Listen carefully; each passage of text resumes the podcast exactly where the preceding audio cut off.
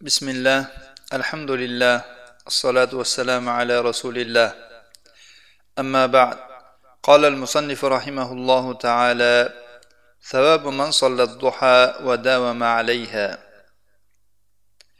مصنف رحمه الله dedilar duhoni o'qigan va unda bardavom bo'lgan odamning savobi haqida عن أبي ذر رضي الله عنه عن النبي صلى الله عليه وسلم قال يصبح على كل سلامة من أحدكم صدقة فكل تسبيحة صدقة وكل تحميدة صدقة وكل تحليلة صدقة وكل تكبيرة صدقة وأمر بالمعروف صدقة ونهي عن المنكر صدقة وتجزع عن ذلك كله ركعتان يركعهما من الضحى رواه مسلم abu zar roziyallohu anhudan rivoyat qilinadi nabiy sollallohu alayhi vasallam dedilar sizlardan biringizning har bir bo'g'imi ustida har kuni ertalabda bir sadaqa lozim bo'lib turadi yoki bir sadaqa lozim bo'lib uyg'onadi har bir aytilgan tasbeh sadaqa har bir ham tahmid sadaqa har bir tahlil sadaqa har bir aytilgan takbir sadaqa amr ma'ruf sadaqa nahiy munkar sadaqa. Bularning hammasidan duhoda o'qiladigan ikki rakat kifoya qiladi imom muslim rivoyatlari. Inson sog' salomat tong ottirar ekan badanidagi har bir bo'g'imining ustida shuning salomatligiga qilib beriladigan shukrona sadaqasi bor. Bu vojib sadaqa emas lekin bu shu sadaqaga targ'ib qilingan. Ya'ni kim agar salomat turadigan bo'lsa shu badanidagi har bir bo'g'imdan sadaqa qilsin degan ma'no. Boshqa bir hadisda bu bo'g'imlar inson jismidagi bo'g'imlar uch yuz oltmishtalga aytilgan imom muslimning rivoyatlarida. Har bir bo'g'im ustidan bittadan sadaqa berish kerak. Boshqa bir rivoyatda bir kishi so'raganki agar inson shu shuncha uch yuz oltmishta sadaqa qilolmasachi bir kunda deganda rasululloh sollallohu alayhi vasallam aytganlarki har bir aytilgan tasbeh subhanalloh subhanalloh subhanalloh. Har bittasi bittadan sadaqa. Alhamdulillah ham sadaqa. Allohu akbar ham sadaqa. La ilaha illalloh ham sadaqa. Amr ma'ruf qilib bir odamni yaxshilikka chaqirib qo'ysangiz bir yomon ish qilayotgan munkar ish qilayotgan odamni shundan qaytarib qo'ysangiz shularni har biri sadaqa. Boshqa rivoyatlarda keladi. Birodaringizga yordam berishingiz yo'ldagi ozorni chetlatishingiz birodaringizni e, yukini ko'tarib joylashib qo'yishingiz va hokazo ya'ni bularni hammasi har biri bittadan sadaqa deganlar to uch yuz oltmishta bo'lguncha endi alloh taoloni marhamatini qarangki shu uch yuz oltmishta sadaqani o'rniga ikki rakat duho paytida namoz o'qib qo'ysa mana shuni o'zi kifoya qilar ekan وعن بريدة رضي الله عنه قال سمعت رسول الله صلى الله عليه وسلم يقول في الإنسان ستون وثلاثمائة مفصل فعليه أن يتصدق عن كل مفصل منها صدقة. قالوا من يطيق ذلك يا رسول الله؟ قال النخاعة في المسجد تدفنها والشيء تنحيه عن الطريق. فإن لم تقدر فركعة الضحى تجزع عنك رواه أحمد وأبو داود وابن خزيمة وابن حبان burayda roziyallohu anhudan rivoyat qilinadi dedilar men rasululloh sollallohu alayhi vasallamni shunday deyayotganlarini eshitdim insonda uch yuz oltmishta bo'g'im bo'ladi uning zimmasida har bir bo'g'imdan bitta sadaqa berishi lozimdir. Ey rasululloh bunga kim qodir bo'ladi? dedilar. Shunda aytdilarki masjiddagi tuflangan balg'amni ko'mib qo'yasiz. Yo'ldan bir narsani chetlatib qo'yasiz.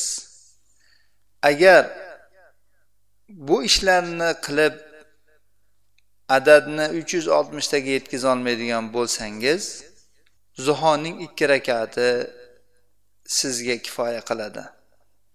Imom ahmad abu dovud ibn huzayma va ibn hibbon rivoyatlari bu hadisni alboniy sahih sunan abi davudda to'rt ming uch yuz oltmish beshinchi raqam bilan sahih sanaganlar. Bu yerda bu hadisda o'tgan E, masjiddagi balg'amni ko'mib qo'yish deyildi.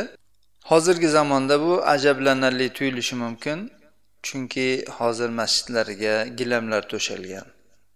Rasululloh sollallohu alayhi vasallamning masjidlari mayda toshchalardan iborat edi palos solinmaganda palossiz bo'lgan masjidda aslida tuflash mumkin emas mabodo tuflangan bo'lsa shuni ko'mib qo'ysa bo'ladi uni olib chiqib tashlashi shart emas lozim emas masjidga e, balg'amni tuflash aslida harom mumkin emas qaytarilgan ish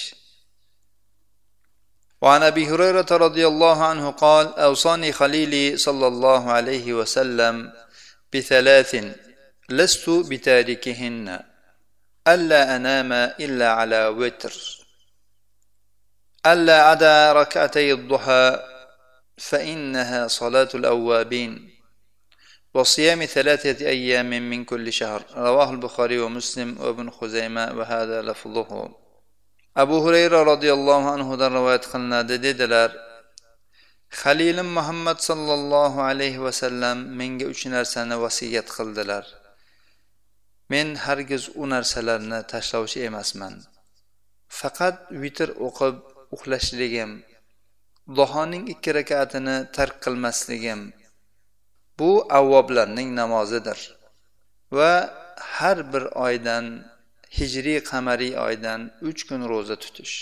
Imom buxoriy va muslim rivoyatlari ibn huzayma ham rivoyat qilgan bu lafz ibn huzaymanikidir avvabin deb qaytuvchilar gunoh ish qilib qo'ysa tezda allohga tavba qilib qaytuvchini avvob deydi. Ya'ni ko'p ya'ni avvob qiluvchi avba qiluvchi ko'p qaytuvchi insonning tabiatiga gunoh qilish o'rnatilgan. Rasululloh sollallohu alayhi vasallam aytganlarki kullu bani adam xatto va xayrul xattoina tavvobun deganlar. Inson bolasi ko'p xato qiladi ko'p xato qiluvchidir. Xato qiluvchilarning eng yaxshisi ko'p tavba qiluvchilar. Xato qildi tavba qiladi. Xato qiladi tavba qiladi. Shuning uchun avvoblar deyilgan. وعن ابي امامه رضي الله عنه ان رسول الله صلى الله عليه وسلم قال من خرج من بيته متطهرا إلى صلاه مكتوبه فاجره كاجر الحاج المحرم ومن خرج إلى تسبيح الضحى لا ينصبه الا اياه فاجره كاجر المعتمر وصلاه على اثر صلاه لا لغو بينهما كتاب في عليين رواه أبو داود بإسناد حسن abu umama roziyallohu anhudan rivoyat qilinadi rasululloh sollallohu alayhi vasallam dedilar kim uyidan poklanib tahorat qilib farz namozga chiqsa uning ajri ehromdagi haj qiluvchining ajridekdir kim duho namoziga chiqsa va zuho namozigina uni o'rnidan qimirlatsa ya'ni harakatga keltirsa ya'ni uni qiynatsa yunsibuhu degani o'zi qiynatsa degani har bir ya'ni odam bir ishni qilish uchun harakat qiladi. Har bir harakatda o'ziga yarasha bir nima bo'ladi? Taab mashaqqat bo'ladi. Agar zuho namozi uni harakatlantirib qiynatgan bo'lsa uning ajri umrachining ajridekdir namoz ketidan o'qilgan namoz ular o'rtasida lag'v bo'lmaydigan bo'lsa behuda so'z bo'lmasa illiyinda yozilgandir bu. Illiyinga yozib qo'yiladi. Abu dovud buni sahih hasan isnod bilan rivoyat qilgan dedilar musannaf. Alboniy ham bu hadisni sunan abi dovudning yigirma ikkinchi raqam bilan hasan sanaganlar